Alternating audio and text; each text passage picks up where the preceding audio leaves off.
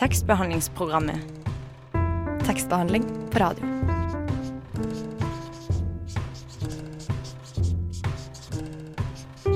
Tekstbehandlingsprogrammet.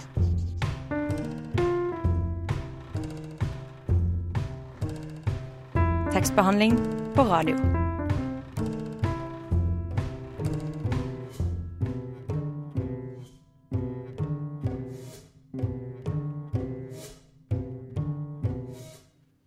Hei og velkommen til dagens episode av Tekstbehandlingsprogrammet.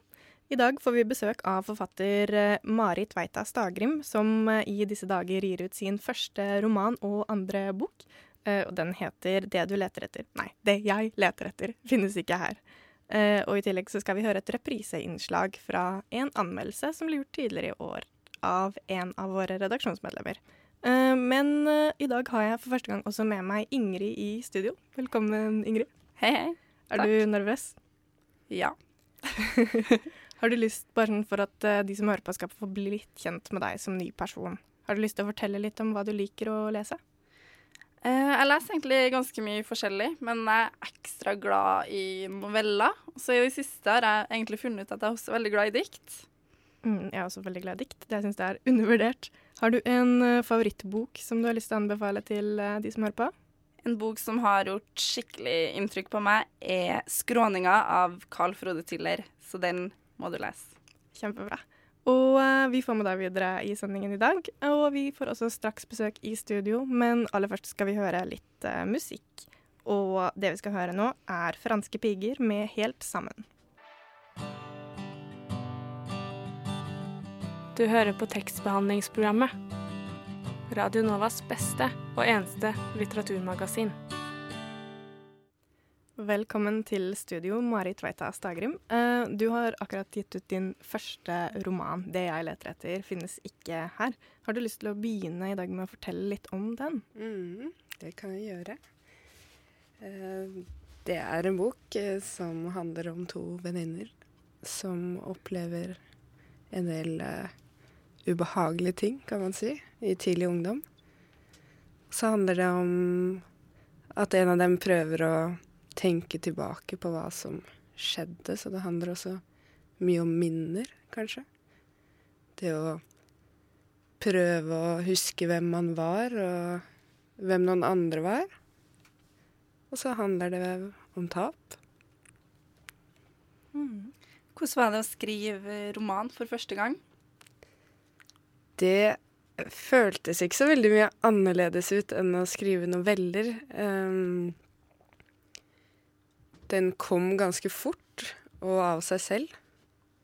Og um, jeg har ikke tenkt så veldig mye på hvilken sjanger jeg skriver i. Eller jeg tenker ikke så mye over det når jeg skriver, da. Det er mer sånn at teksten kommer automatisk, og så skjer kanskje sjanger Hvilken sjanger det blir, skjer kanskje mer i den eh, struktureringsprosessen som kommer litt senere for min del, da. Så dette har kanskje vært en novelle, og det har vært et dikt, og så ble det noe som heter en roman på uh, forsida av boka. Men uh, man kan kalle den mye. Kanskje det er en minnebok, for eksempel også. Og hva, på hvilken måte var det annerledes å skrive denne fra eh, din forrige utgivelse, som var eh, korte fortellinger? Mm. Det syns jeg har vært veldig spennende med å skrive min andre bok, er at det har vært så utrolig forskjellig. Uh, altså prosessen har kanskje vært ganske lik, men følelsesmessig så føles de to bøkene helt forskjellige ut. Um, uh, ja. På hvilken måte da? Hmm. Man har, man har på en måte Det er som å ha eh, forskjellige venner. man har forskjellige forhold til dem. Uh, og denne boka er noe helt annet for meg enn den første boka mi. Vi skal snakke litt mer om eh, romanen din straks, men først så er jeg litt nysgjerrig på hva liker du å lese sjøl? Jeg er glad i dikt. Jeg er glad i romaner og essays. Og så leser jeg veldig mye faglitteratur siden jeg er student. Um, jeg er ganske glad i norsk uh, samtidslitteratur. Tror, og dansk. Uh, mye bra dansk. Uh, Kaspar Erik syns jeg er veldig bra, f.eks. Han er dansk poet. Min gode venninne Victoria Kielland, som jeg egentlig ikke kan anbefale siden hun er min beste venninne, men hun er jo også helt fantastisk. Kristine Næss um, syns jeg skriver veldig bra. Tone Hødnebø. Hva var den siste boka du leste, hvis det er lov å spørre om det? Det er lov. Og det var Runa Fjellanger. Runa Fjellanger må jeg også uh, anbefale. Mm, hun hadde hun på besøk her for en, et par uker siden, faktisk. Ja. Hun er også min venn, da. Men uh, hun skriver kjempeflott, og den boka jeg gleda meg til uh, lenge. Mm. For det var på motorveiene? På motorveiene av Runa Fjellanger. Mm. Kult. vi skal høre litt mer musikk, og denne gangen så er det en av sangene som du har valgt selv. Og det er Missy Elliot med 'Get Your Freak On'. Hvorfor har du valgt uh, den sangen her? Den uh, tar meg litt tilbake til ungdomstida. Den har et sånt stort overmot som jeg syns er ganske morsomt. Og jeg syns også den er ganske upassende. Og, men den får meg til å danse, da. Og jeg trodde det var mandag i hele dag, så jeg tenkte jeg trenger en sånn sang i dag. Men så var det ikke mandag. Men du vil ikke si du får mandagsfølelse av Missy Elliot, håper jeg? Nei, den hjelper meg ut av mandagsfølelsen. Kjempebra. Uh, her kommer Missy Elliot.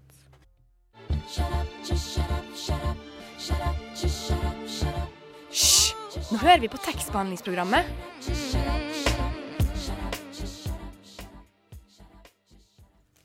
Du hører fortsatt på tekstbehandlingsprogrammet her på Radio Nova, og vi har fremdeles besøk i studio av eh, forfatter Mari Tveita Stagrim. Og du skal lese et lite utdrag eh, for oss, så da kan du bare begynne når du er eh, klar.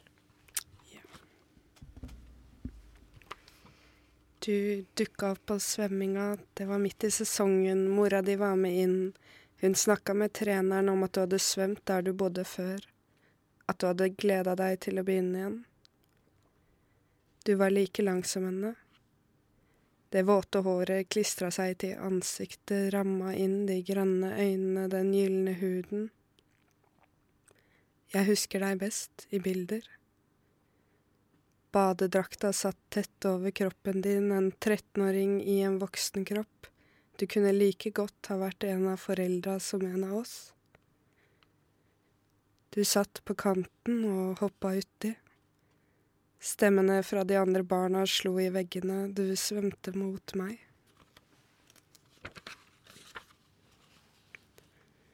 Jeg husker at du satt på trappa foran kiosken, jeg hadde bare sett deg et par ganger, du filte på de lange neglene. Vi ble sittende, og dama i kiosken kom ut med pølser som hadde ligget for lenge på grillen. Det var som om du kjente alle, en gjeng med gutter samla seg rundt oss, en av dem lente seg mot deg, kyssa deg og holdt rundt deg. Du hadde alltid en gutt nær deg. Hender rundt magen, en kropp inntil din. Jeg hadde fortsatt ikke kyssa, sola steikte, svetten silte, spyttet lå i klyser på asfalten, kvisene i et mønster jeg prøvde å skjule med gulaktig foundation.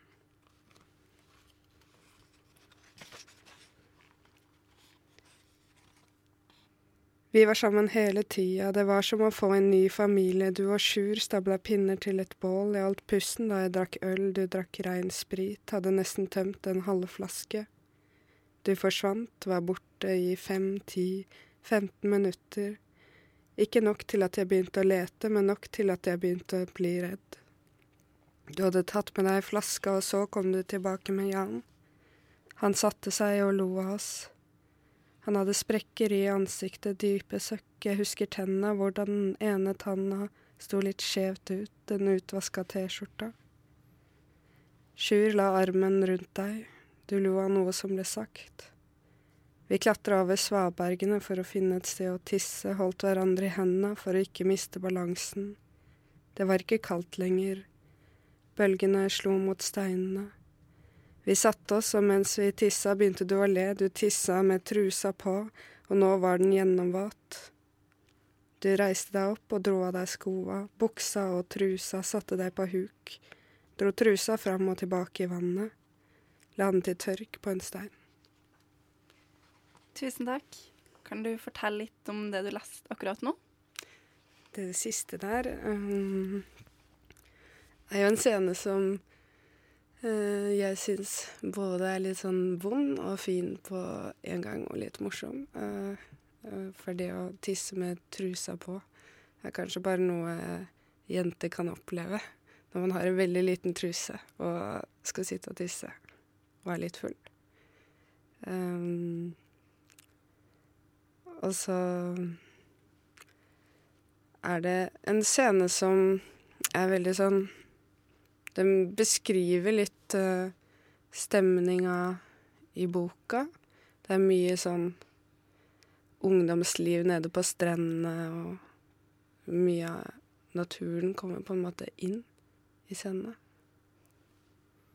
Hva var det som inspirerte deg til å skrive akkurat uh, den boka her? Så var det noen spesielle personer eller hendelser f.eks. som gjorde det? Ja um, det, Altså, ungdomstiden generelt har inspirert meg til å skrive den. Um, den er også Det er mye i historien som er knytta til meg også.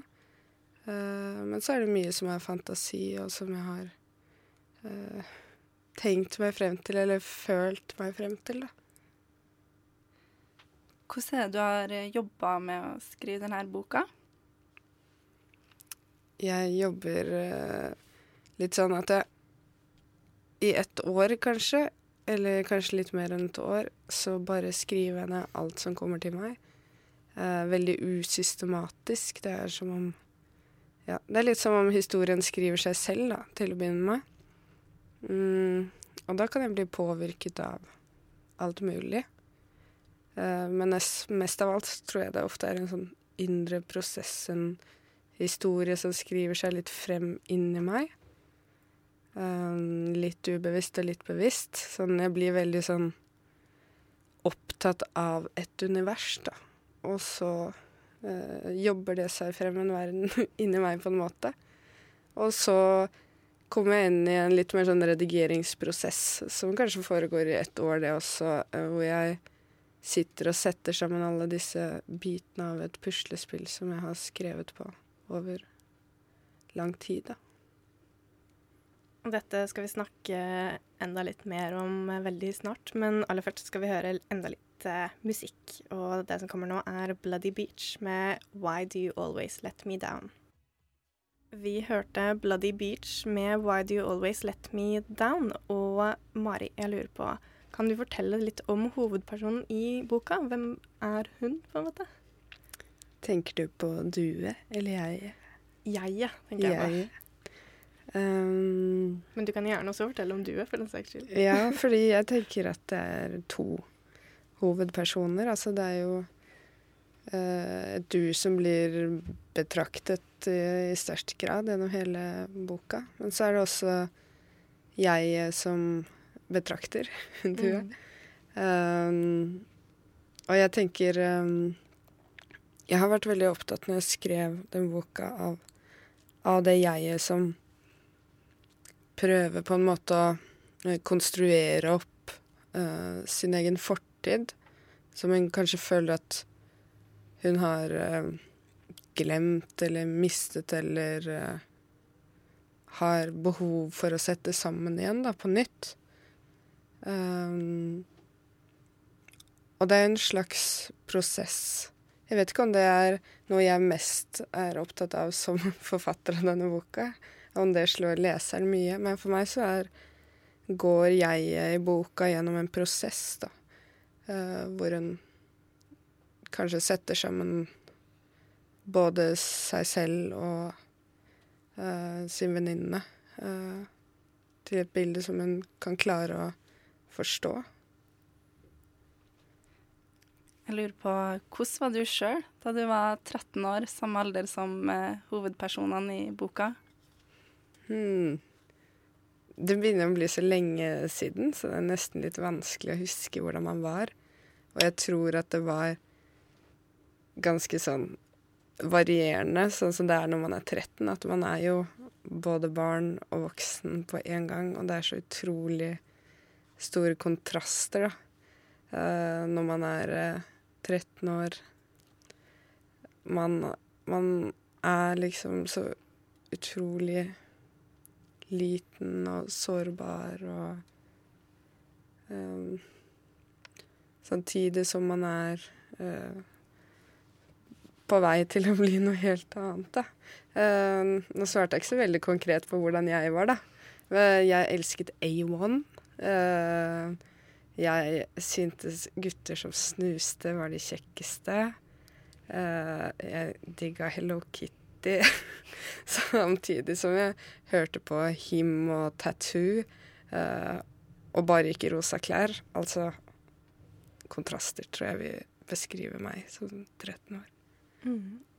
Um, var det noen deler av boka som var spesielt vanskelige å skrive? Fordi man toucher innom noen temaer som er ganske uh, tunge, ganske mørke. Eh, samtidig som det er det barnslige og den kontrasten, som du sier. Så var det noe der som, som var utfordrende for deg å jobbe med? Mm, hele boka har vært uh, emosjonelt ganske sånn tung å skrive. Fordi det er tunge ting. Um, men jeg tror jeg kanskje handler mer om boka som helhet. Sånn uh, som jeg snakket om litt skriveprosessen i stad, det skjer veldig sånn mm, usystematisk. Og det har ikke vært kanskje uh, Selv om jeg tror for leseren så er det noen scener som er mye verre enn de andre. Uh, så har ja, kanskje slutten uh, var kanskje tung. Og den er jo Det er litt sånn morsomt og rart. For jeg har nok ikke forstått hvor brutal boka er før etter den kom ut. Og etter jeg begynte å få respons på den, så skjønte jeg sånn Oi, den er ganske tøff. Mm. Eh, hvilke reaksjoner forventa du i forkant? Var de annerledes enn dem du fikk? Mm. Eh, det har eh, jeg, jeg tenker ikke så veldig mye på reaksjonene kanskje når jeg skriver.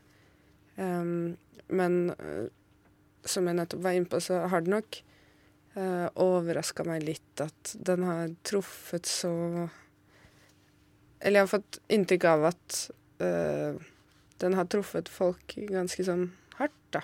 Noen Jeg har fått en del meldinger på det at eh, eh, folk var tilbake til en hard ungdomstid da, når de leser den. Vi skal snakke litt mer om romanen etterpå, eh, men først skal vi høre en sang til som du har valgt, og du touchet så vidt innom den nettopp, nemlig 'Tatu'. Um, hvorfor valgte du akkurat denne sangen? Den sangen har faktisk stått på uh, som repeat på høretelefonene mine mens jeg har skrevet uh, boka. Uh, den eh, er jo en veldig sånn sang som er liksom eh, Man liker den ikke, eller jeg i hvert fall liker den ikke, og jeg hater den litt. Samtidig som den er sånn Den er så utrolig intens, da. Og den driven, liksom, så den sangen har, den um, Den tror jeg har smitta litt inn i boka. Og den har vært veldig viktig for boka. Så for de som ikke allerede har skjønt det, her kommer Tatu med 'All The Things She Said'. Hallo, mitt navn er Knut Nærum, og du hører på tekstbehandlingsprogrammet. Jeg går i hvert fall ut fra at du gjør det. Ja, og hvis du hører på tekstbehandlingsprogrammet, så hørte du også nettopp Tatu med 'All The Things eh, She Said'. Og vi har fremdeles besøk i studio av forfatter Marit Tveita Stagrim, og du skal lese et utdrag til for oss. Så du kan egentlig bare begynne når du er klar. Ja, da begynner jeg rett på. Læreren og rektoren kom bort til meg i friminuttet, sa at jeg måtte bli med inn, og først tenkte jeg at det hadde skjedd en ulykke. På kontoret satt en mann og to damer, de sa at Jan var anmeldt, men jeg husker ikke om de sa hvorfor. Jeg husker den blå genseren til rektor. Blyanten hun holdt i hånda, hun fikla med den hele tida mens de prata, det gjorde meg sint.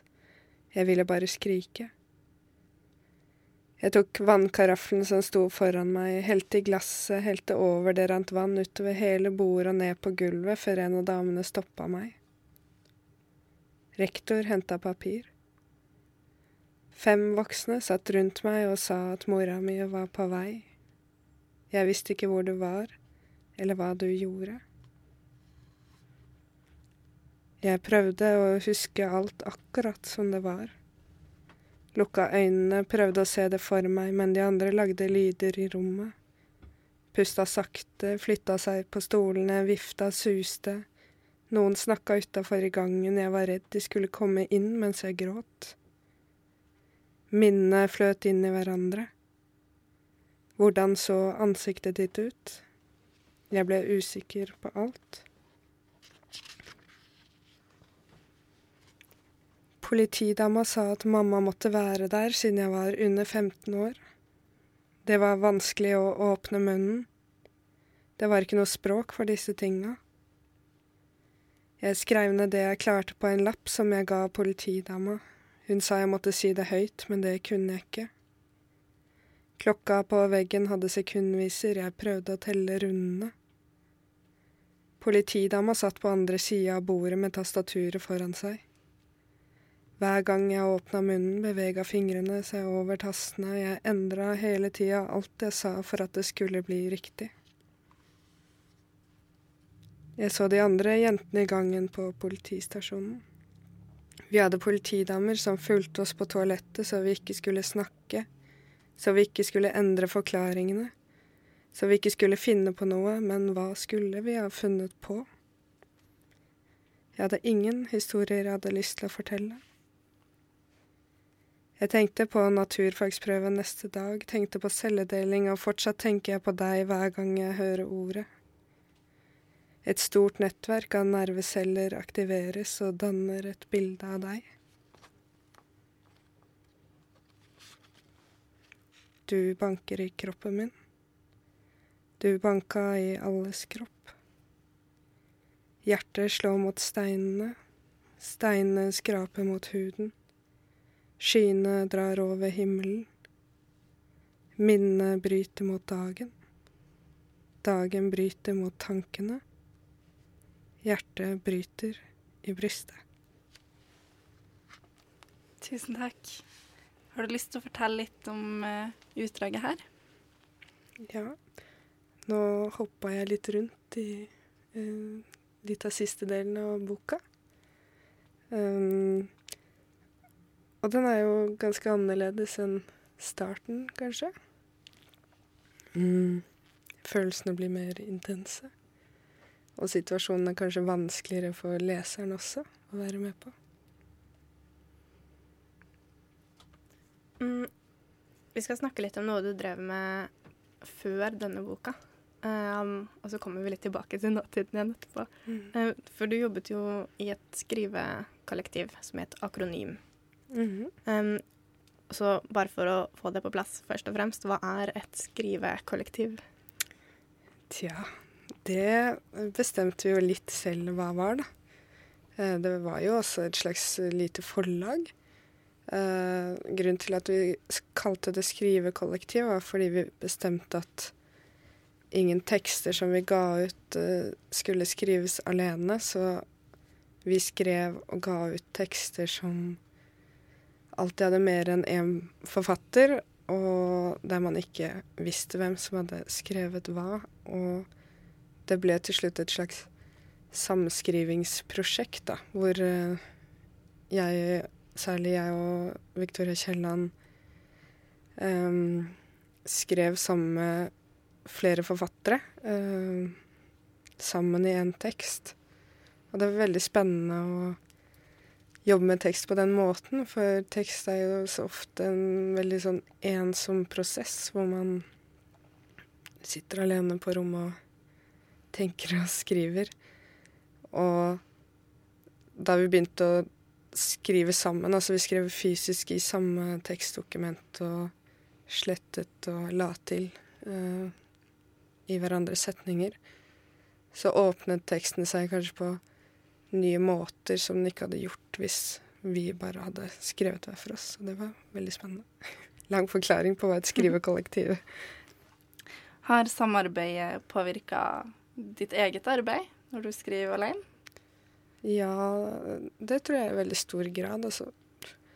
Um, både ved at jo mer jeg skriver, og jo mer jeg snakker om teksten jeg skriver, og det mer jeg redigerer det jeg skriver, det bedre tenker jeg at jeg blir på det, eller uh, det mer lærer jeg i hvert fall. Og når man i tillegg gjør det i andres tekster også, så lærer man kanskje å se sin egen tekst på en ny måte.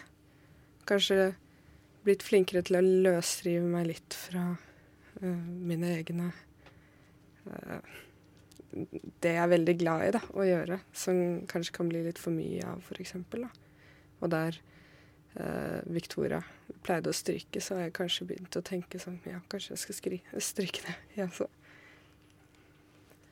Vi snakker enda litt mer med deg etter litt uh, musikk. Uh, her kommer Emil Kruse med 'Hørt fra deg'. Vi begynner å nærme oss slutten av dagens sending, egentlig. Men før du går, så lurer jeg på Har du noen spennende nye prosjekter på gang? Jeg er ikke helt i gang enda. Det er i en sånn tenkeprosess. Um, og tekstene kommer litt sånn eh, stort sett til meg um, av seg selv. Og det På forrige bok så tok det vel ca. et halvt år før uh, hjernen min begynte å skrive igjen. Uh, og det er jo veldig mye å forholde seg til nå som nettopp har kommet ut. Så jeg er ikke helt i gang, men jeg håper det kommer noe snart. Tror du neste prosjekt blir likt som det her, eller blir det noe helt annerledes? Jeg tror at man alltid kan kjenne litt sånn igjen min uh, stemme i teksten. Uh, og det tror jeg man kjenner kanskje litt igjen uh, fra forrige boka mi. Men jeg tror ikke sånn tematisk sett at det kommer til å bli en lik bok. Det kan jeg ikke se for meg i det hele tatt. Men, men selve sånn rytmen i det vil man nok kunne kjenne igjen for hver bok jeg kommer til å skrive. Vi gleder oss. Um, da må vi nesten si uh, tusen takk for at du ville komme på besøk. Og så lykke til på Slippfest, som faktisk er nå i kveld. Ja. Er det sånn lytterne våre kan komme på hvis de er interessert? Alle må komme. Hvor er det? Hvis de vil. Det er på den gamle skobutikken der i Strøget midt i Oslo sentrum. Og så kommer det jo også flere flotte forfattere. Runa Fjellanger, Victoria Kielland og Ingvild Lote skal lese der. Og meg. Kjempegøy. Så det er åpen invitasjon til alle som hører på? ja, det er det. Absolutt. Kjempebra. Um, så før du går, helt til slutt, så skal du få lov til å introdusere den aller siste sangen som du har valgt uh, i dag. Yeah. Og det er Emilie Nicolas med 'Let You Out'. Yeah. Hvorfor uh, denne? Um, det var kanskje den uh, siste sangen jeg hørte på i prosessen med denne boka, som har gått gjennom litt forskjellige prosesser. Um, den er jo utrolig sterk, da. Um, og den Ja. Jeg vet ikke helt hvorfor, men den, uh, den hører til denne boka, på en måte. Mm. Så da sier vi igjen tusen takk for at du ville komme på besøk. Og her kommer Emilie Nicolas med 'Let You Out'.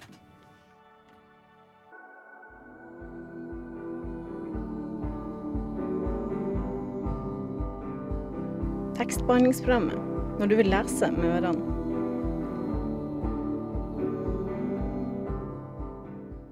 Nå skal vi høre et uh, repriseinnslag fra i våres, uh, da vårt uh, redaksjonsmedlem Mari anmeldte boka 'Menn som ingen treng'.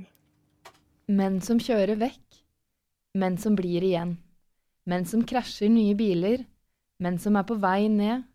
Menn med for mye gjeld. Menn med uvanlige kjønnsorganer. Ensomme menn. Fredelige menn.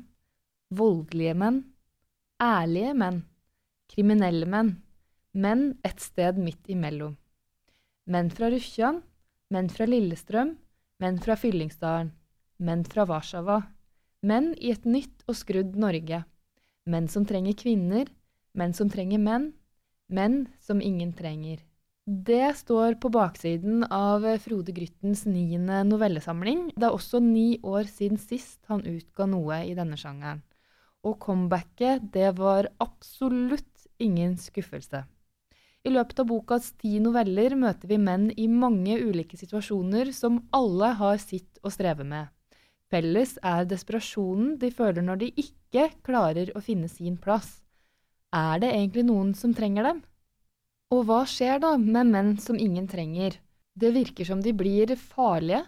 Her er eh, en som åpner bordell i førsteetasjen i leiligheten sin, en annen stjeler en bil i Oslo og bryter seg inn i en hytte i Finnmark sammen med kjæresten sin. Eh, han ender med å drepe vaktmesteren for eh, hyttefeltet, som eh, kommer innom for å sjekke hvem det er som har brutt seg inn på denne hytta. En annen av novellene handler om en far som slår i hjel en innbruddstyv, men som i etterkant begynner å drikke.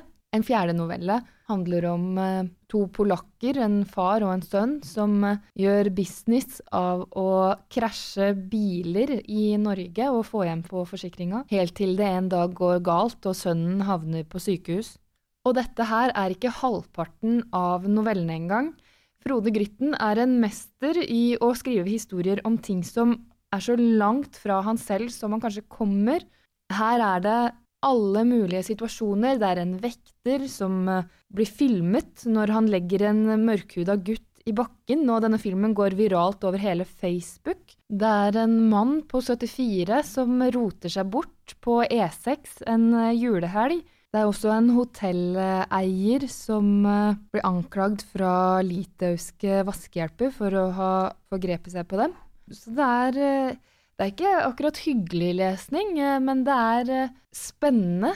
Vanskelig å legge fra seg, og du, du får på en måte ikke noe lykkelig slutt heller på noen av novellene. Det, det sitter kanskje litt igjen som et spørsmålstegn eh, mange steder. Hva, hva skjer, og hvordan går det med disse mennene som er så desperate, som kanskje blir forlatt, som ender opp alene? Novellene er veldig troverdige, og det virker som Frode Grytten ønsker å provosere leseren med vilje i eh, historien om disse mennene som tar feil valg i livet og har helt absurde holdninger til f.eks. flyktninger.